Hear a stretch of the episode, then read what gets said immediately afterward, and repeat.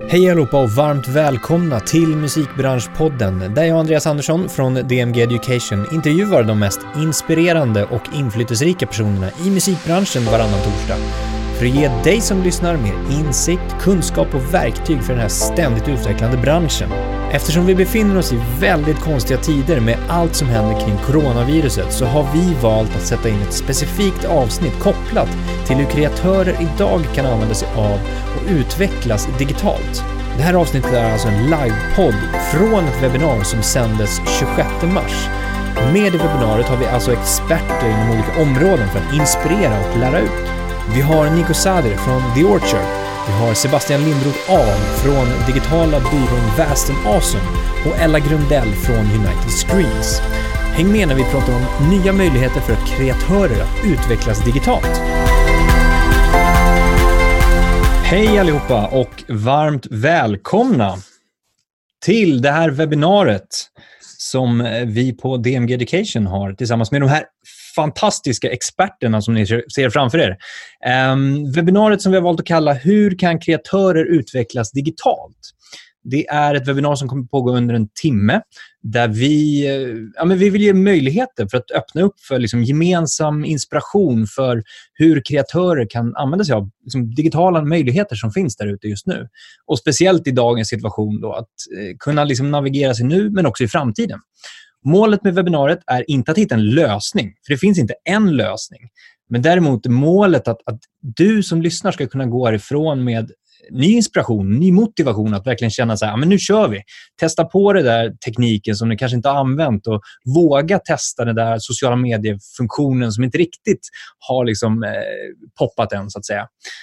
Um, och antingen för dig själv som kreatör eller kanske någon du jobbar med Uh, om du jobbar på ett bolag eller inom management. Så, så Det är ju tuffa tider, men det finns möjligheter och det kommer komma en tid efteråt också. Så vi vill öppna upp det här, uh, det här webbinariet, så att säga. Eh, DMG som är värd, DMG Education som är värd för det här webbinariet. Eh, vi är en arena för kunskapsutbyte och inspiration i musik och underhållningsbranschen. Eh, och vi vill möjliggöra för att fler ska kunna lära sig och, och utvecklas eh, individuellt och professionellt. Jag heter Andreas Andersson och eh, jag är grundare och VD på DMG Education eh, Eh, samt värd för Musikbranschpodden. Jag kommer moderera det här samtalet till min bästa möjliga förutsättning. Eh, och Med oss nu då så har vi de här fantastiska grymma gästerna som ställer upp idag. Bland annat har vi Nico Sader som är Director eh, Artist and Label Services på The Orchard i Norden. Eh, vi har också Sebastian Lindroth Ahl digital expert, driver den digitala byrån Vast and Awesome eh, och driver även Facebookgrupperna Musikbranschjobb och Svenska musikbranschen. Och Ella Grundell som är Party Manager och Head of Recruitment på United Screens. Så kul att ha er här! Tack så mycket! Tack. Mår ni bra? Ja. Ja, det är, ja, det är bra. Yes. Det är soligt idag också. Precis. Mm. Jag tänker så här att vi ska inte lägga ner någon massa energi på att eh, prata strunt, så att vi dyker in i det hela på en gång, tänker jag. Eh, och lite sådär, vad, vad, hur ser ni på allt som händer nu? Det är speciella tider. Eh, speciellt för musikbranschen, speciellt för livebranschen, speciellt för liksom, intäkter som kanske stannar av och sådana saker. Um, hur ser ni på det som händer, bara till att börja med? Sebastian, du som till exempel du, i Facebookgruppen så tipsar du om massa, eh, massa saker som händer, massa liksom, uppdateringar som händer just i musikbranschen. Uh, ja, nej, eh, det som jag eh, kanske inte slås över men som jag imponeras över är mycket av uh, den kreativitet som tycks gynnas nu. Uh, jag blir både glad och fascinerad över den. Och, och, det är väl kanske framförallt det som, alltså varför vi sitter här, för att det finns så mycket inspireras av eh, även utanför musikbranschen. Och det är det jag tror många tittar efter, försöker hitta nya vägar och testa nya intäktsmöjligheter eller eh, kanske göra sånt som man kanske inte brydde sig mycket om förut när man hade andra starka intäktskällor. Men nu när det börjar ramla bort lite så börjar man se över sitt hus lite grann och se vad, vad kan jag nu göra för att och, och bli ännu bättre. Precis, lite som du och jag snackade om, så att vi, vi har hoppat lite grann framåt i framtiden också eh, kring digitaliseringen. Vi har tagit liksom monsterkliv, för något som skulle ta flera, flera år kommer liksom ta några månader nu bara att, att börja genomföra. Eh, spännande. Men Nico, du jobbar ju mycket med artister eh, på, på The Orchard. Hur, hur ser du på liksom allt som händer? Eh, ja, alltså för vår del så har det varit eh, väldigt mycket att bara eh, erbjuda resurser och eh, alternativa sätt och idéer som man kan fortsätta. Eh, vi fokuserade främst på eh, streaming eller att jobba med sociala medier och dig eh, digitalt eh, marknadsföringen. Eh, så det har varit mycket att Eh, fokusera på att ge ut liksom, tips och resurser och kanske se om det finns möjligheter att annonsera nu. Det är, liksom, annonsering går ju ner men det kanske finns en möjlighet för det där. Eh, och Det är också intressant att kolla på hur eh, lyssnandet förändras på streamingtjänsten. också. Det är nog lite för tidigt för att säga vart, eh, om vi ser liksom exakta trender men det har varit intressant att följa det. Och sen från vår del har det också varit det är väldigt intressant att följa mina utländska kollegor. Eh, vi jobbar väldigt tajt globalt så det är väldigt eh, intressant att höra för att alla, är ju, alla länder är ju lite olika i olika liksom, faser i det här och hur de har hjälpt sina lablar. Och, eh, för vår del, så jag tycker att det var väldigt bra. Vi satte, vi satte ihop, det gör ju också att vi måste göra saker från vårt håll. Så att vi satte ihop en eh, festival till exempel eh, igår, en livestreamsfestival det, hade, det är ju någonting som man hade kunnat göra tidigare och det är någonting som man kan göra senare också. Men det är ganska intressant att det här liksom gör så att man kommer på att ah, okay, det är faktiskt någonting vi kan göra för våra artister och ha en sån donations, det var en donationssida eh, eh, för de artisterna som uppträdde. Eh, saker som har varit kanske självklara men som du sa, som kom, det tvingas nu att man faktiskt gör det och tar steget. Liksom. Spännande. Vi ska dyka in mer i livestreaming också eh, framöver, så det, blir, eh, det blir mycket sånt. Och Ella, du eh, har ju fokuset Youtube nästan kan man väl säga. Eh, du driver en Youtube-kanal bland annat.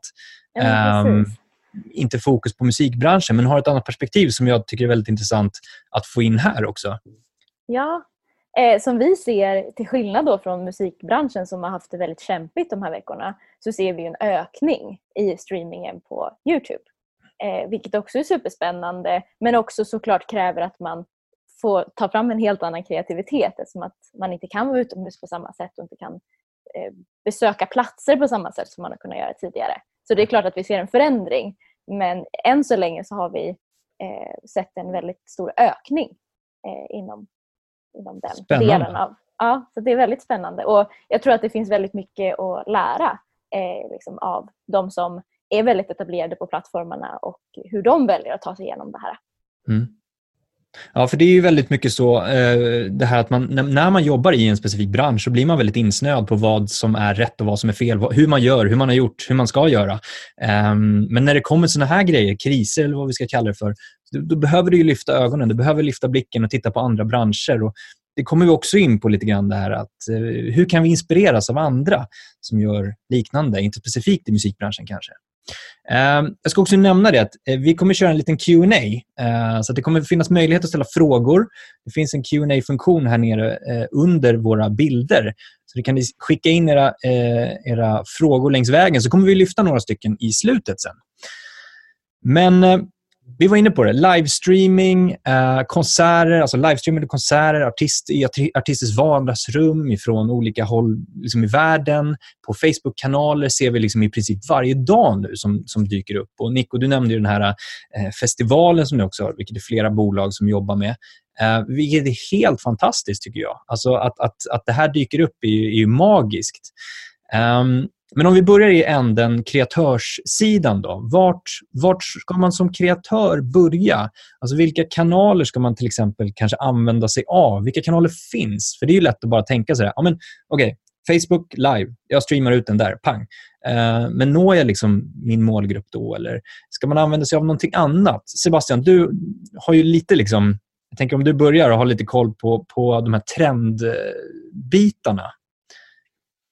Eh, ja, det, det beror lite på vad man kollar på för, för plattformar. Dels finns det ju plattformar för livestreaming och sen finns det för olika plattformar för, och, för intäkter, direkta intäkter. Ehm, förutom de vanliga digitala plattformarna med sociala medier som man kanske kallar mer med, med Facebook, Instagram och sådär.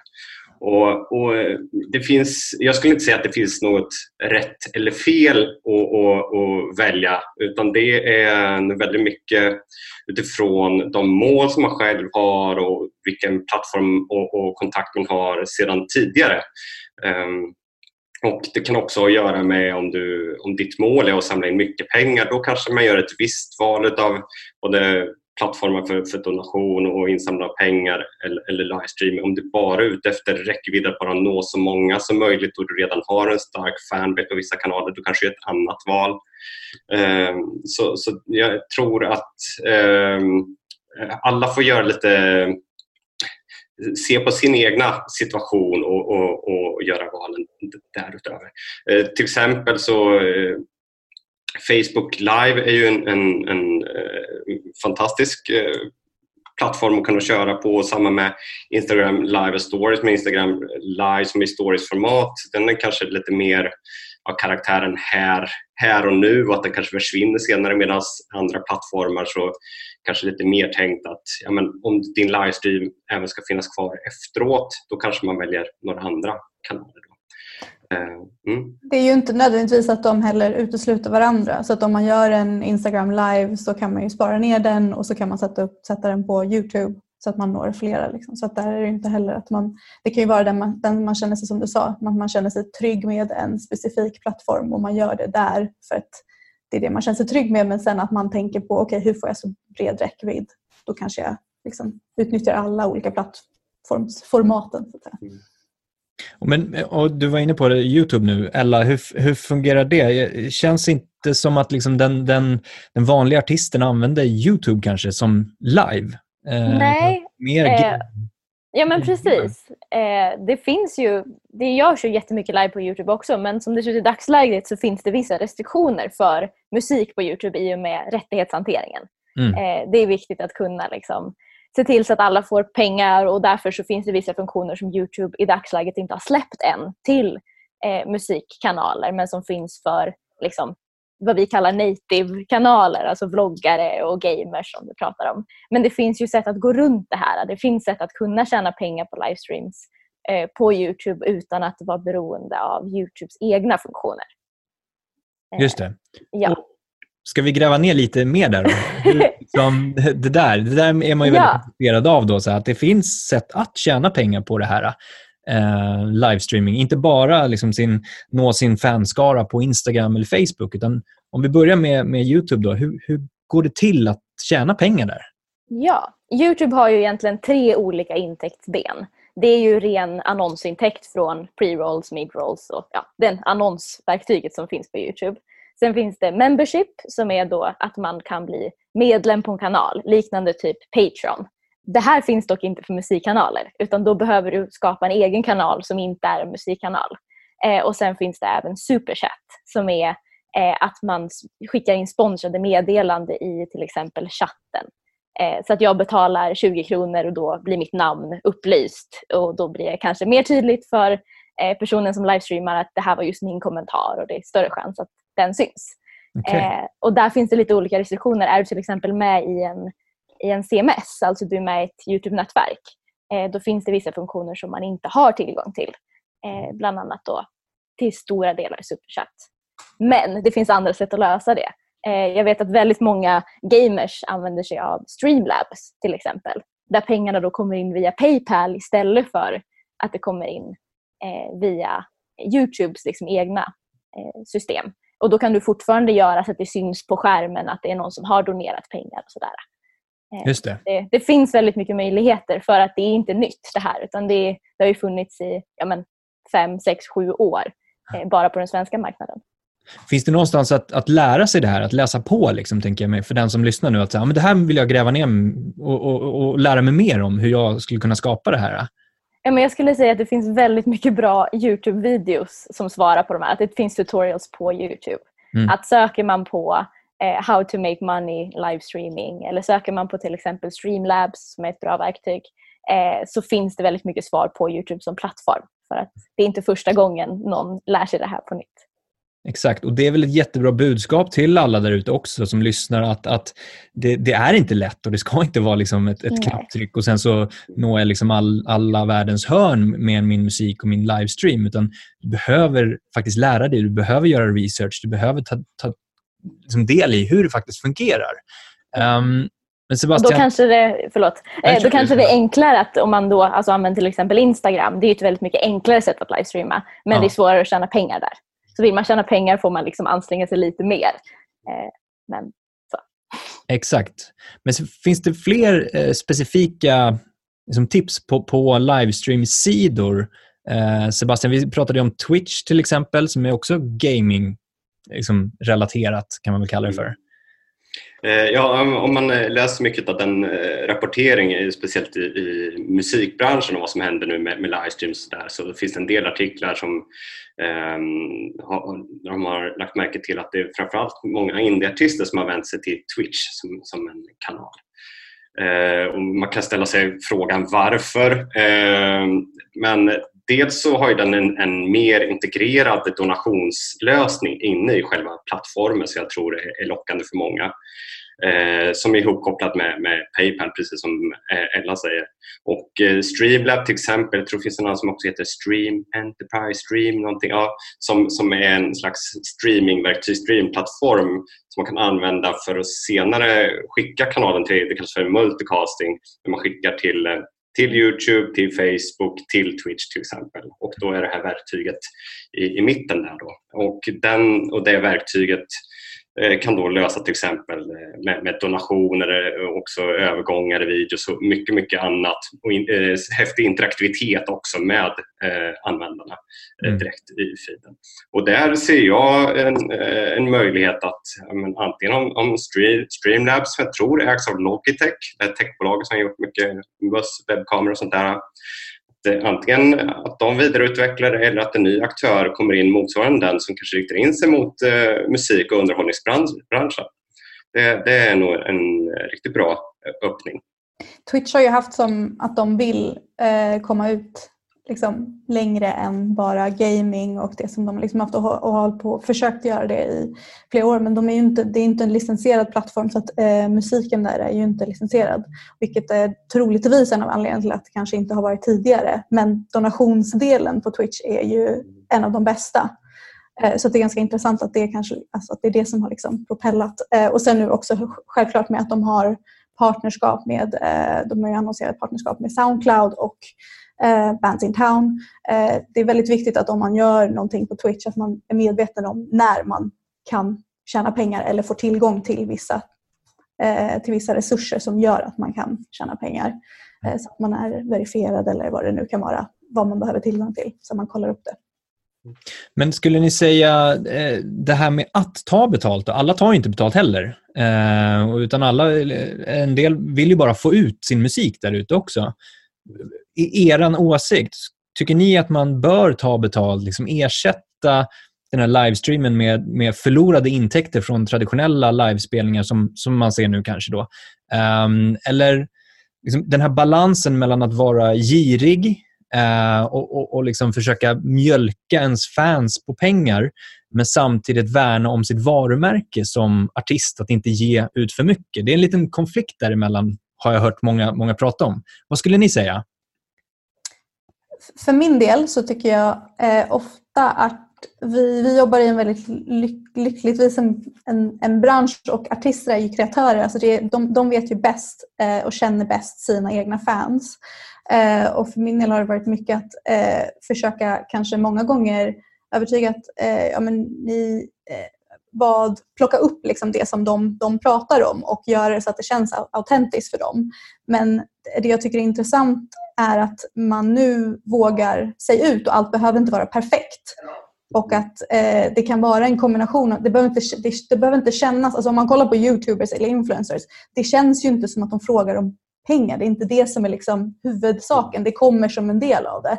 Och att musiker behöver titta på dem mycket, mycket mer och se liksom hur de jobbar också långsiktigt. Eh, det finns ju liksom att man inte bara gör det kanske en gång om man, om man har en investering i det, att det faktiskt känns som att det kommer från ett intresse av en själv, typ om man ska ha en så låt oss säga att man har en cooking show eller whatever och man gör det liksom varje vecka, då känns ju det ändå autentiskt från en artistsida. Så att jag tror att eh, man ska fundera på vad som känns, vilket vilka ämnen, det behöver inte alltid vara att man spelar musik, men vad man brinner för och troligtvis så brinner dina fans för samma sak. Och att kanske släppa lite på att eh, vara för, för försiktig. Att nu liksom, att man mm. kan göra olika varianter på det. Ja, jag, jag, jag, håller helt med att, eh, att, att våga. Eh, men jag tror egentligen två, två delar. Första steget är att erbjuda en möjlighet för andra typer av intäkter. Det är nog liksom steg ett, att öppna dörren. Och det andra är då att våga be om, om folk om, om men, man behöver inte kalla det för, för donation för att inom gamingvärlden och Youtubers så är det en, en sån stark del utav kulturen att när man gillar någon och vill stötta någon, ja, men då skickar man över lite pengar. Det är, liksom, det, det är helt normalt. Och, och, och, Jag är fullständigt övertygad om att musikbranschen är på väg dit och, och nu tar vi ett eh, raketsteg dit. Vi kanske kommer kom tillbaka lite grann efter att det här varit över men jag har fortfarande tagit ett steg framåt och, och jag tycker det är, är bra. Och, och det faller sig kanske helt naturligt att man gör det i och med att en av de starkaste, eh, största intäktskällorna har varit live för många och nu har den försvunnit och då tittar man efter nya intäktskällor. Tittar man på andra ställen och så ser man en, en, eh, en online-streamer som i gamingvärlden sitter och spelar lite spel och helt plötsligt så dyker det upp i, i, i streamen att den har fått tusen dollar don, don, donerat och, och, och, och, den personen så, och så den personen donerat vill se den personens reaktion och den personen blir, hur, ja, men, blir helt paff och så blir det en, en, grej. Och sen, ja, för det är många som kan livnära sig på det eller delvis eh, på, på den biten. Och eh, att eh, öppna upp då för, även för att donera till exempel större summor inom musikbranschen. Vad finns det för alternativ om du nu har följare som har mycket pengar och vill stötta dig? Eh, är det enda alternativet att sitta och, och, och streama din musik ja, men, tusen gånger om dagen, vilket ju inte går. Du får inte så mycket pengar. De kanske kan köpa lite merch, en deluxe vinylalbum. Det är inte så mycket pengar. En konsertbiljett kanske. Eh, det, det, är ingen slump att Lollapalooza har 20 000 kronors biljetter. För att det, det är många som vill betala för. Så att öppna upp för de möjligheterna så tror jag att många kommer bli förvånade över att eh, det, det finns många som eh, vill vara med och hjälpa till och, och, och stötta dig för, för det du gör. För att det du gör är nog viktigare än du tror för många. Mm.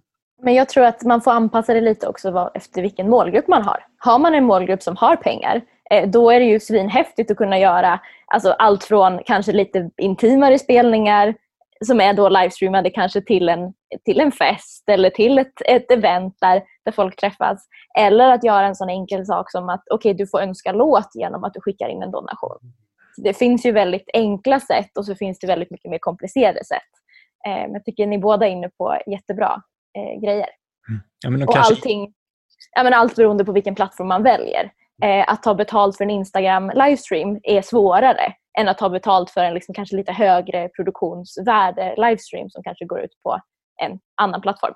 Det tycker jag är en jättebra poäng. Man måste vara medveten om vart man, vart man gör det också och vad, vad för någonting ens fans gör på den plattformen ja. också.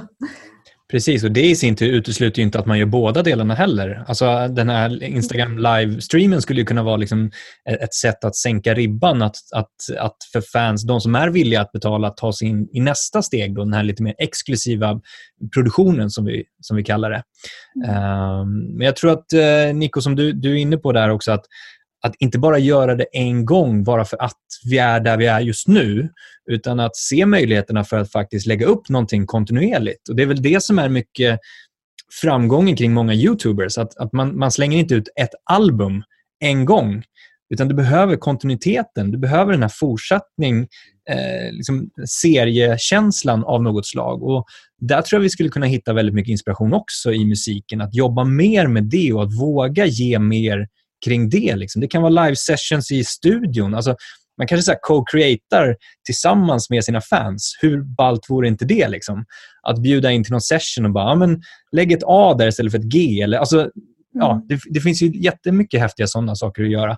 Att då ge lite det är ju för, för få som tycker eh, man vet ju att framgången med Netflix serier är ju att de alltid slutar på en del där man vill fortsätta titta mer. Så jag tror att det är så man också behöver tänka. Att man, eh, du behöver inte nödvändigtvis vara en, en cliffhanger men som du säger att man gör någonting som gör att folk att det finns ett tema kring det eller att det finns någonting, eh, man har informerat om att jag kommer tillbaka imorgon samma tid och att man har liksom, att det är någonting som folk förväntar sig så att de också vet att det kommer mer. Mm. Och när vi ändå är inne på det här då, att, att det gäller inte bara är man nu kreatör och sätter upp en livestream till exempel så gäller det inte bara att man gör det. Alltså så här, posta på sin Facebook-sida att så här, nu kör jag live. Eh, det gäller att nå ut, alltså marknadsföringen där också. Um, Eh, liksom att sprida sig själv och sprida varför man gör det här. Eh, hur, hur kan man liksom tänka här, Nico, om, om man börjar med er då, eh, hur ni tänker kring artister som vill livestreama till exempel, eller festivalen här. Hur ska man, hur ska man tänka kring marknadsföringen när man går ut med saker och ting?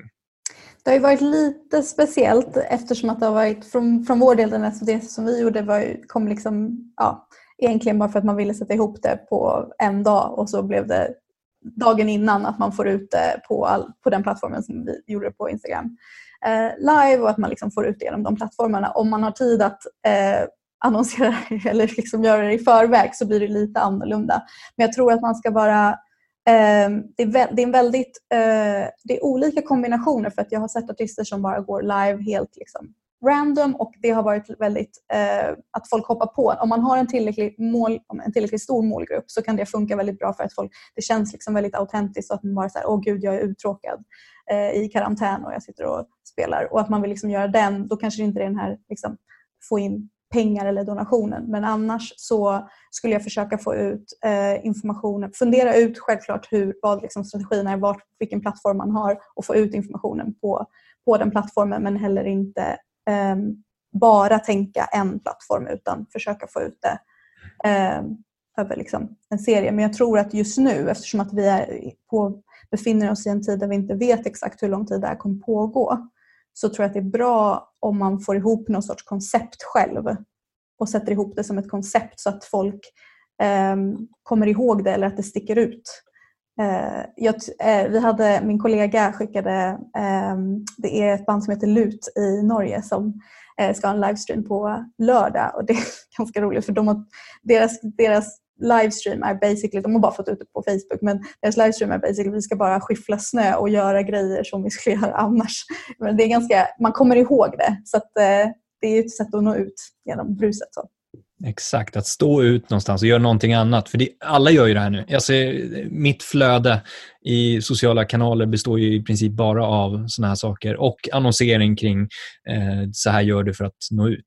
Um, men, men Ella, om, om vi tittar på så här, eh, Youtube-delen, vad, vad, kan vi lära oss från Youtubers eller gamers kopplat till det här att nå ut nu då? Att liksom skapa, skapa värde på något sätt. Jag tycker lite av det som vi redan har varit inne på, det här med eh, att Youtubers är väldigt duktiga på det här med återkommande. Att man kommer in i folks faktiska beteende. Att man tänker liksom på gamla tv-tablån. Att okej, okay, varje fredag klockan åtta är det det här tv-programmet. Då är jag van och då kanske jag till och med planerar min vecka ut efter att jag vet.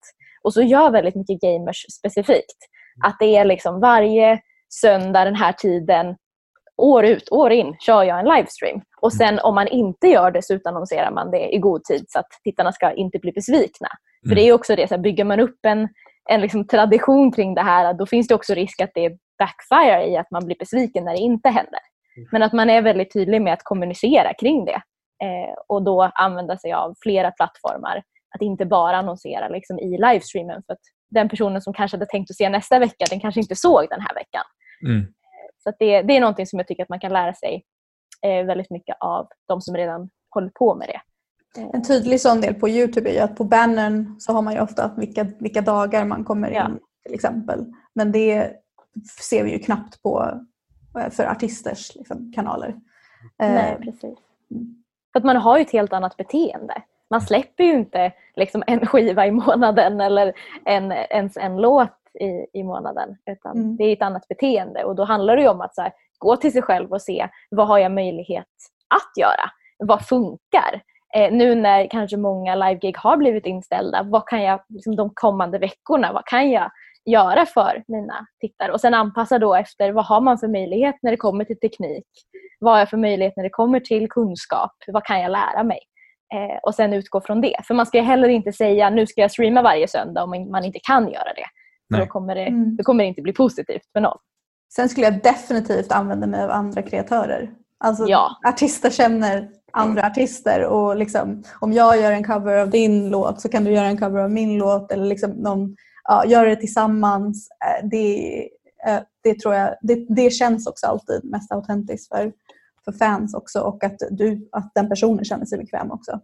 Ja, ja men det, just den biten med, med, med covers kan man ju titta på med många Eh, artister hur de har tagit sig fram i sin karriär och där skulle jag säga att det är man förvånansvärt många gånger där covers har, har varit nyckeln eh, framåt för många utav dem. Men det är inte att, nödvändigtvis att, att det är just covern som är deras one hit wonder på något sätt utan det har varit en naturlig del i deras eh, process. Eh, så, så det är ju ett bra, bra tips där men också att man ju då kan integrera det eh, på ett bra sätt med, med kanalen och göra som samarbeten eller på, på, på annat vis där.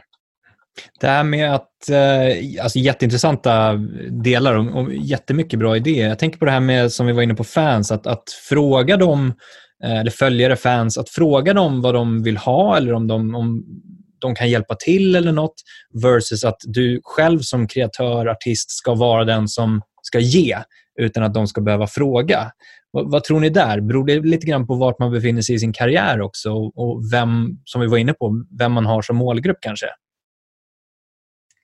Eh, det är definitivt till viss del, absolut, eh, var man, vart man befinner sig och vem man har som målgrupp. Men jag tror inte att man ska vara rädd för att om jag bara får två svar eller whatever, att man ska vara rädd för att fråga. Det är jätteenkelt på Instagram stories till exempel. Man kan liksom lägga ut att det blir för dig att du kan läsa det. Och, eh, jag tror verkligen att man ska fråga mer vad ens fans vill ha. Speciellt om man själv inte kommer på vad man ska göra. Eller liksom, det kan vara vad som helst. Vad vill ni se mig göra idag? Eller liksom, vilken låt ska jag spela? Eller, alltså, Kim Kardashian är så att hon är ju väldigt bra på, har varit traditionellt sett väldigt bra på att fråga som alla andra, som alla youtubers är väldigt duktiga också på och involvera liksom deras fans. Jag tror, att det definitivt, jag tror inte att bara för att man har en mindre, eh, en min, mindre fanskara att man ska vara rädd för att fråga sånt.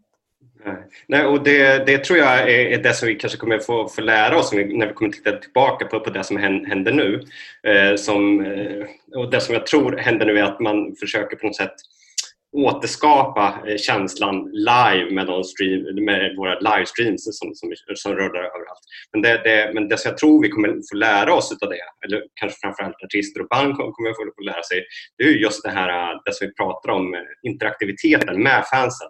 Det är det som, som gamers och, och, och, och youtubers duella är jätteduktiga på. Att ja, ställa just de här frågorna, att involvera alla.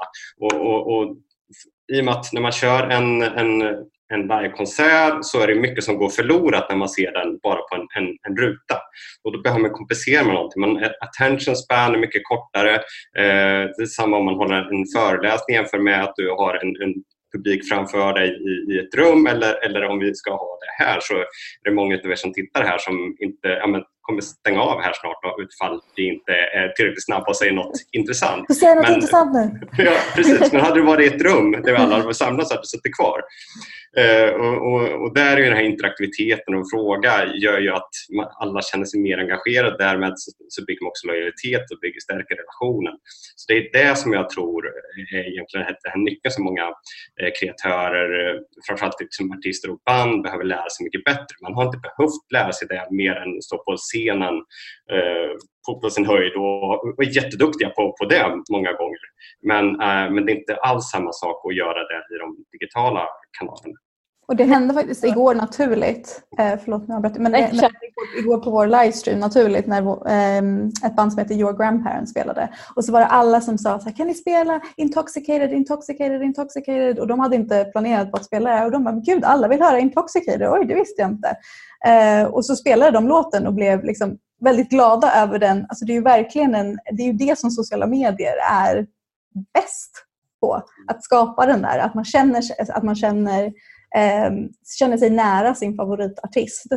Eh, och att de också får liksom ett utbyte från fans. Ja men verkligen. Och det, det som jag tänkte säga var att mycket har att göra med vilken retorik man väljer. Man kan ju säga ah, jag vet inte vad jag ska göra, ge mig idéer. Eller så kan man säga nu vill jag lyssna på vad ni vill se, nu vill jag göra någonting för er skull. Och det blir ju två helt olika utfall. Mm. Att ena känns som att du är lat och bara vill ha idéer och den andra känns som att oh my god, du bryr dig verkligen om vad jag tycker. Liksom. Så det, det, har ju verkligen att göra med hur man väljer att lyfta det. Mm. Bör man ställa sådana öppna frågor då, som du är inne på här? Alltså jag är ju all for transparens. Att så här, för att då, då känns det också som att jag som liksom konsument, jag som lyssnare, jag som tittare eh, verkligen, eh, men verkligen spelar roll. Eh, att den här personen den liksom anförtror mig. Men sen har det såklart helt att göra med vad man har för image. Alla funkar inte att vara så transparenta. Eh, men för många funkar det väldigt bra. Eh, mm. det blir liksom, man kommer närmare. Det här med eh, liksom, att, att man som artist nu ger någonting, man, man ge, genomför en livestream, en konsert eller framför en låt digitalt. Um, responsen man får tillbaka är ju inte liksom densamma som... Det går inte att ersätta publikens vrål när man står där liksom på en scen. Finns det verktyg, finns det liksom saker man kan göra för att som artist också på något sätt liksom få tillbaka det här? var inne lite grann på det där, Nico, det här med interaktionen. Men liksom rent tekniskt, hur skulle man kunna, hur skulle man kunna jobba med en sån interaktion live? Eh, ja, nu kommer jag att tänka på en, en tjänst, en startup-tjänst som jag tror är från Stockholm. Eh, kanske kan lägga länk till den sen, jag kommer inte exakt vad den heter. Men där den går ut ifrån är att interagera med publiken eh, digitalt eh, och att publiken antingen har sina mobiler och så kan man genom den här tjänsten styra vad publikens skärmar ska visa för färg eller publiken kan rösta ungefär som en mentometer så syns det på storbildsskärmen bakom dem. Jag tror det används även inom sport och så vidare. Och så vidare. Eh, men en sån tjänst tänker jag liksom, hade ju varit intressant eh, i en livestream till exempel. Alla sitter hemma och kan på något sätt interagera med några lampor på scen eller just nu vilken låt ska vi spela härnäst? Eh, eller att det går att göra någon slags, jag vet inte det kanske känns väldigt corny med någon slags digital applåd som spelas upp. Ja, nej, men det, går ju att vara väldigt kreativt. Det hade ju Jimmy, Jimmy Fallon hade det på hans egen lilla stream när han gjorde ett skämt och så tryckte han på en sån här äh, app med applåder. Äh, men det finns ju också, man kan använda sig av de, de tjänsterna har ju också ähm, så Youtube har ju premiärfunktionen och sen så finns det också Watch Party för Facebook om man liksom vill sitta och kolla på en video tillsammans med sina fans så kan vi liksom diskutera sånt också.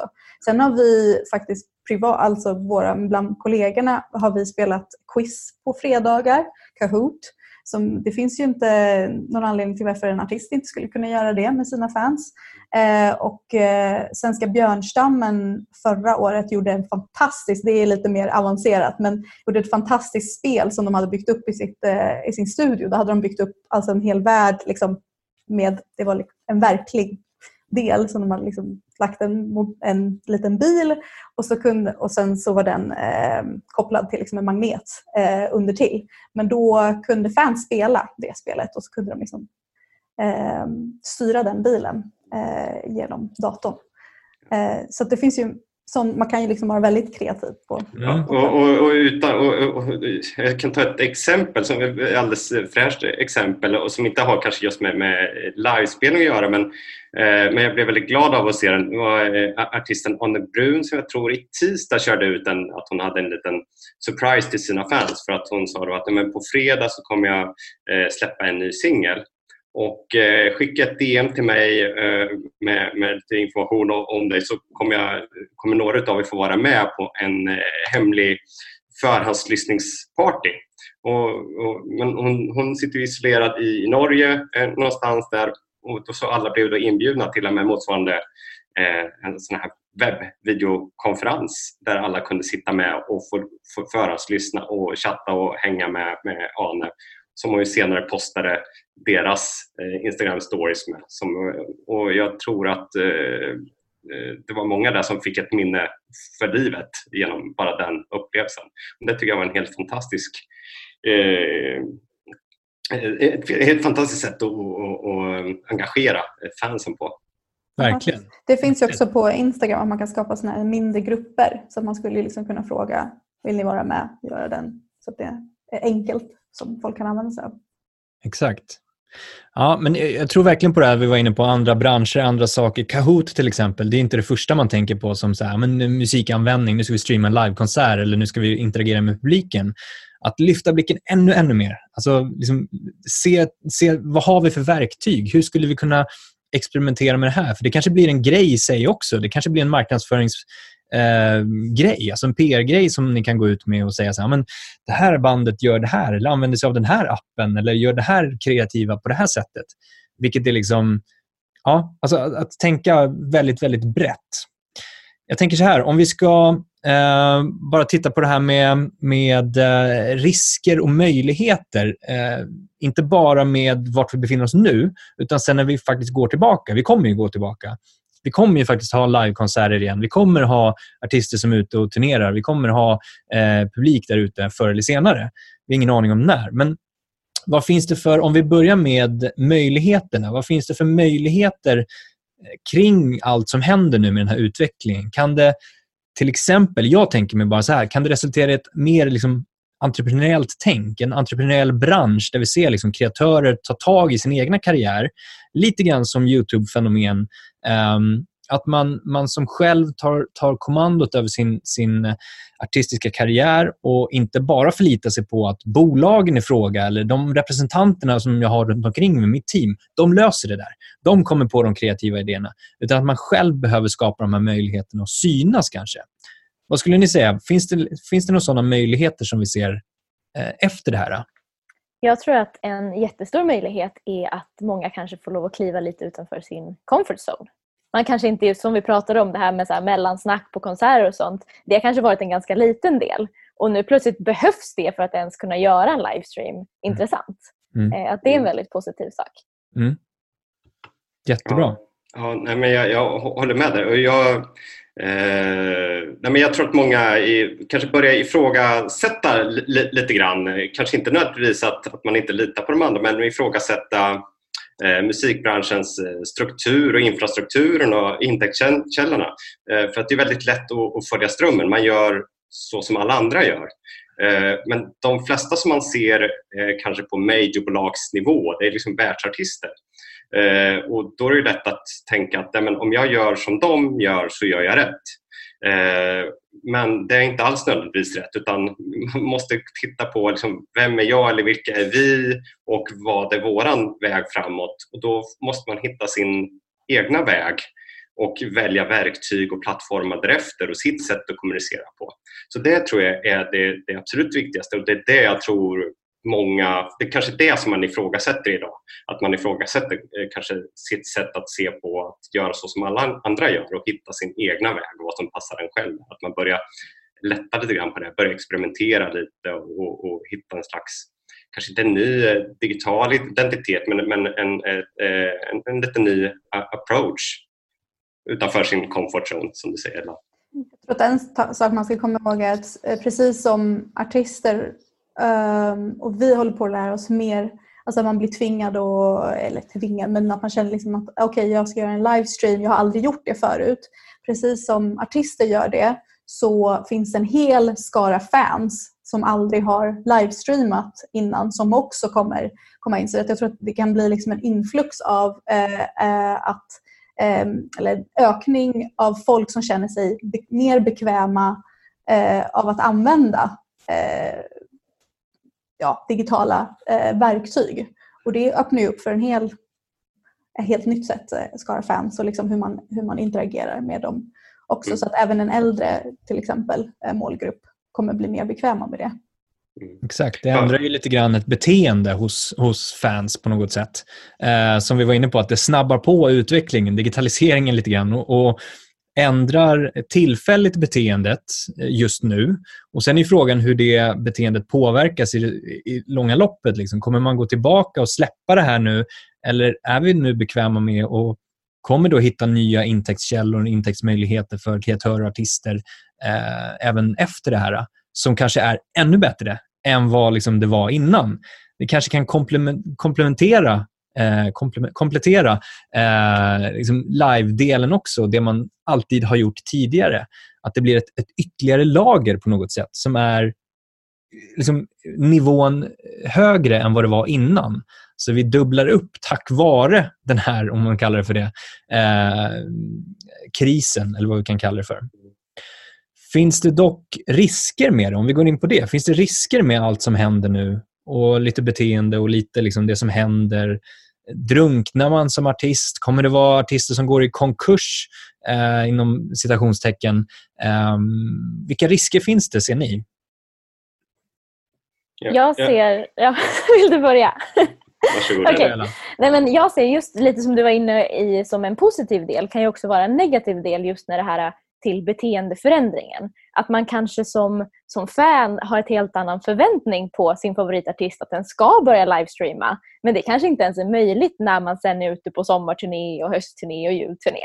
Eh, det ser, och det kan också bli liksom någonting som kommer tillbaks och som någonting negativt. Att man får för höga förväntningar helt enkelt på sina favoritartister. Ja, och jag tror det finns nog olika svar på det, både om man ser på det kortsiktigt och, och, och långsiktigt. Eh, kortsiktigt så, så, är det definitivt många som kommer få det rejält tufft och redan har det rejält tufft. Det, det, det är ingen tvekan om, om den saken.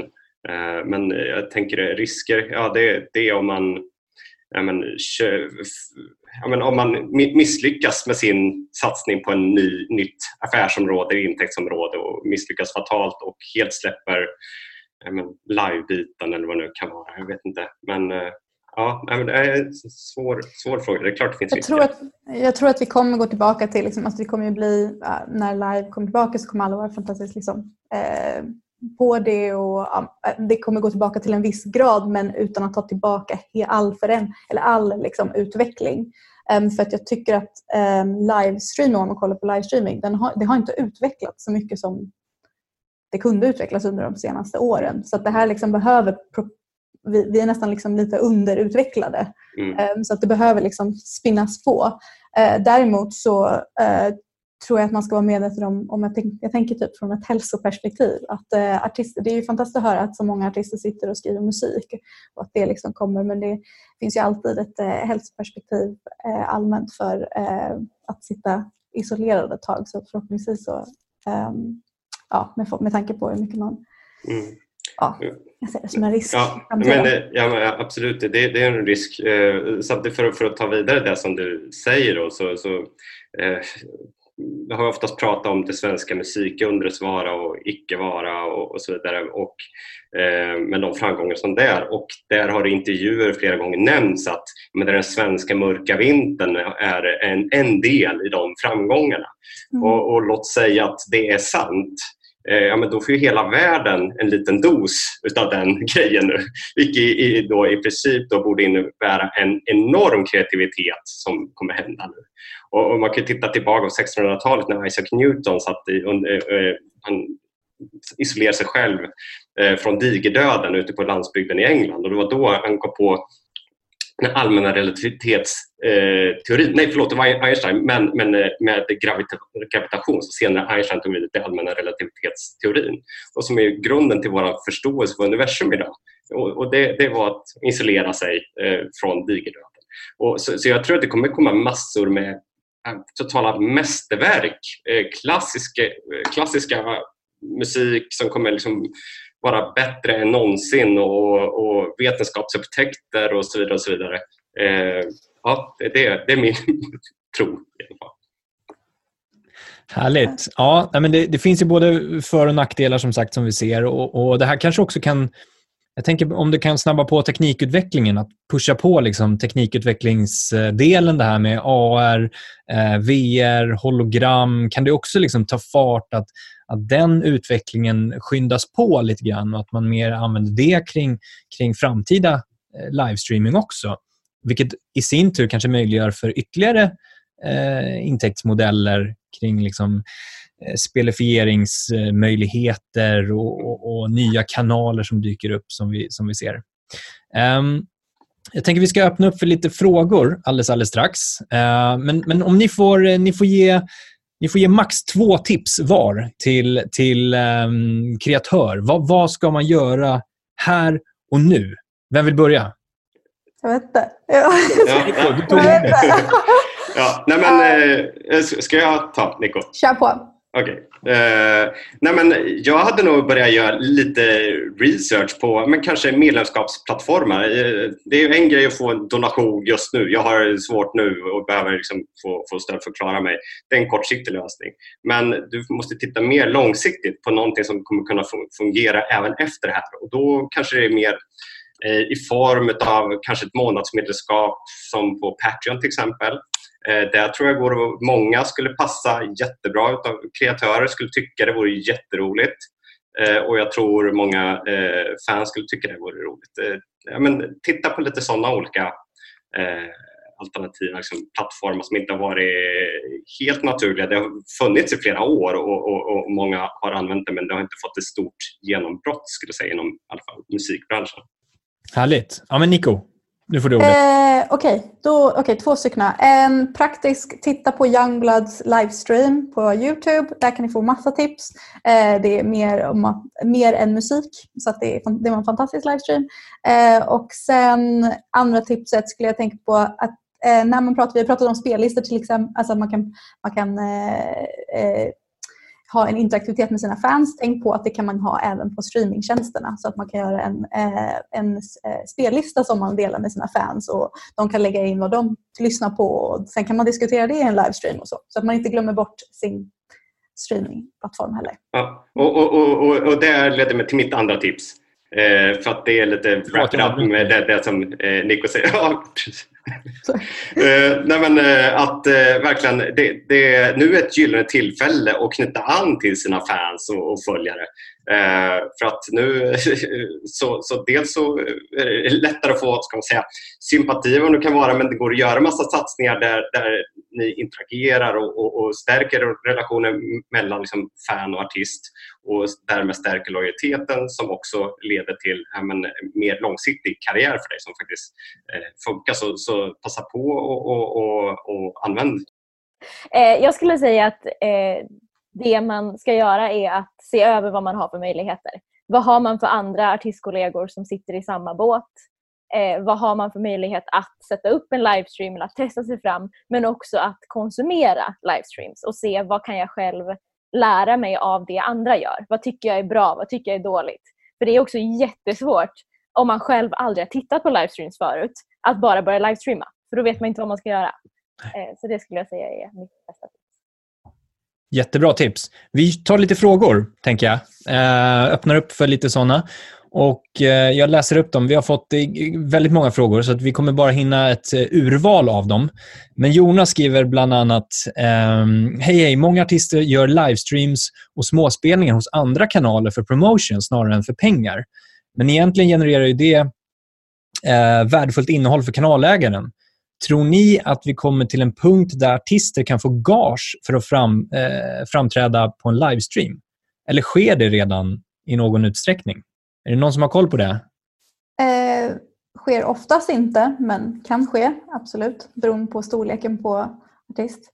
Eh, jag tycker att man ska vara väldigt medveten om varför man ta de besluten. För det här har faktiskt, eh, för det är samma sak med eh, även när man gör liksom andra sorters promotion-delar. Att eh, eh, ibland så väljer artister att lägga sina, sina, sin låt till exempel på en annan persons Youtube-kanal. Och man ska vara väldigt medveten om vad det innebär. Så att jag säger inte att det finns något rätt eller fel. Jag, jag själv föredrar att eh, bygga upp artistens liksom, egna kanaler. Men om det är ett utbyte som känns som att det eh, som känns som rätt för båda parter så eh, kan man ju köra på. Men jag tycker att man ska vara medveten om vilka val man, man gör och varför.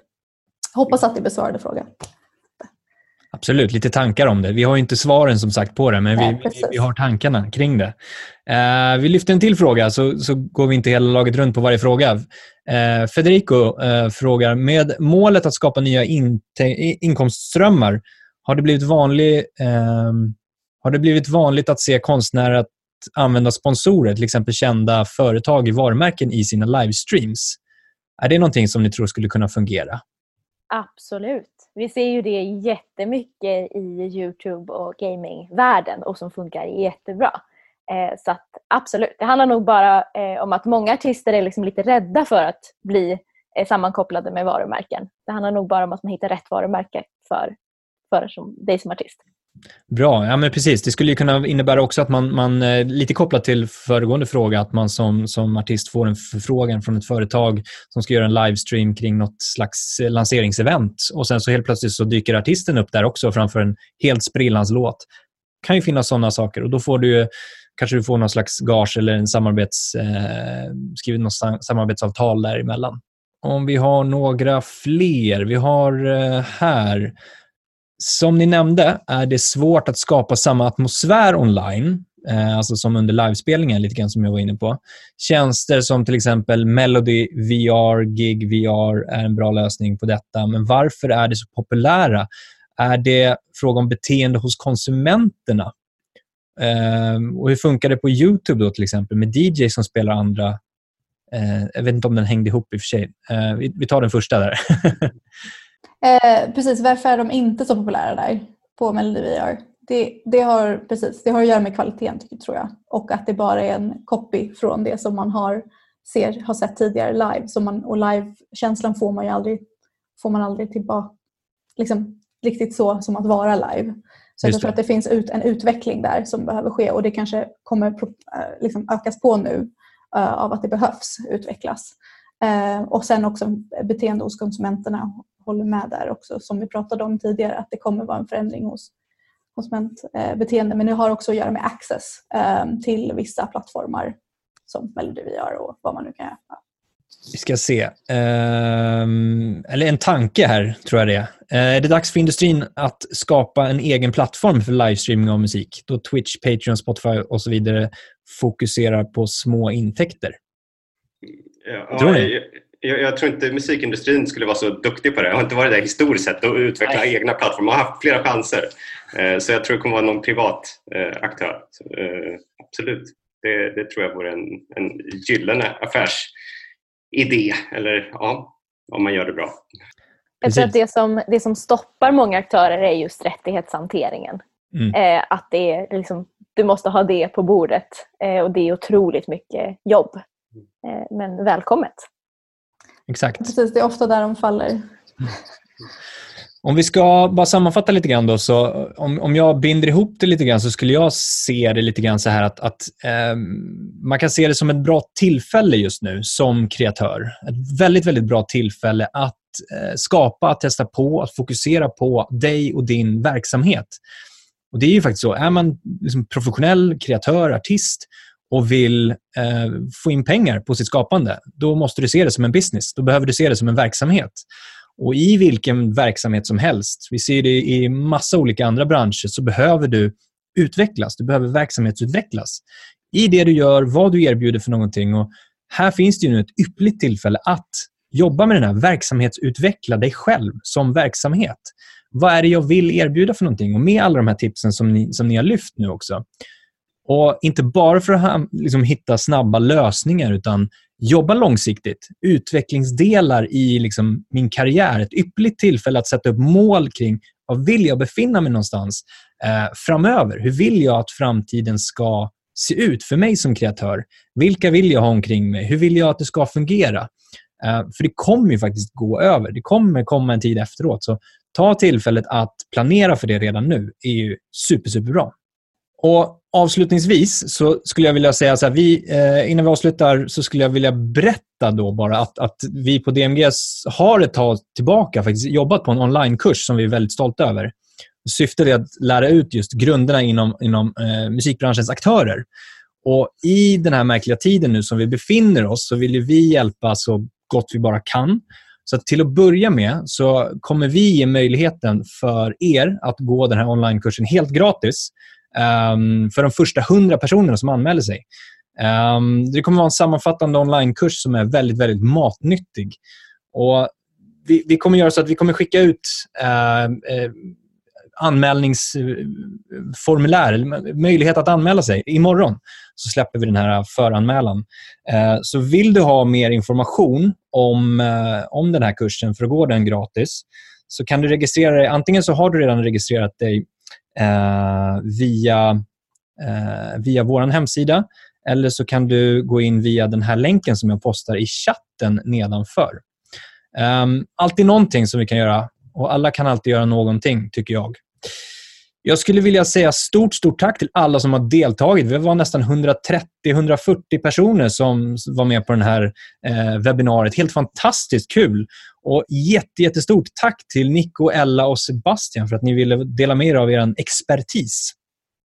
Tack Tack själv. så jättemycket. Lycka till nu allihopa. Allihopa. Och tack för idag. All lycka till. Hej då. Hej då. Stort tack för att du har lyssnat på podden idag. Jag hoppas att du har fått någonting med dig, att plocka med dig någon inspiration eller motivation till att det kommer faktiskt en tid efter den här perioden som vi befinner oss i just nu. Vill du också ha tillgång till den här gratiskursen eh, som vi erbjuder de 100 första så gå in på dmgeducation.se och håll utkik. Tack för idag och ta hand om er och varandra där ute.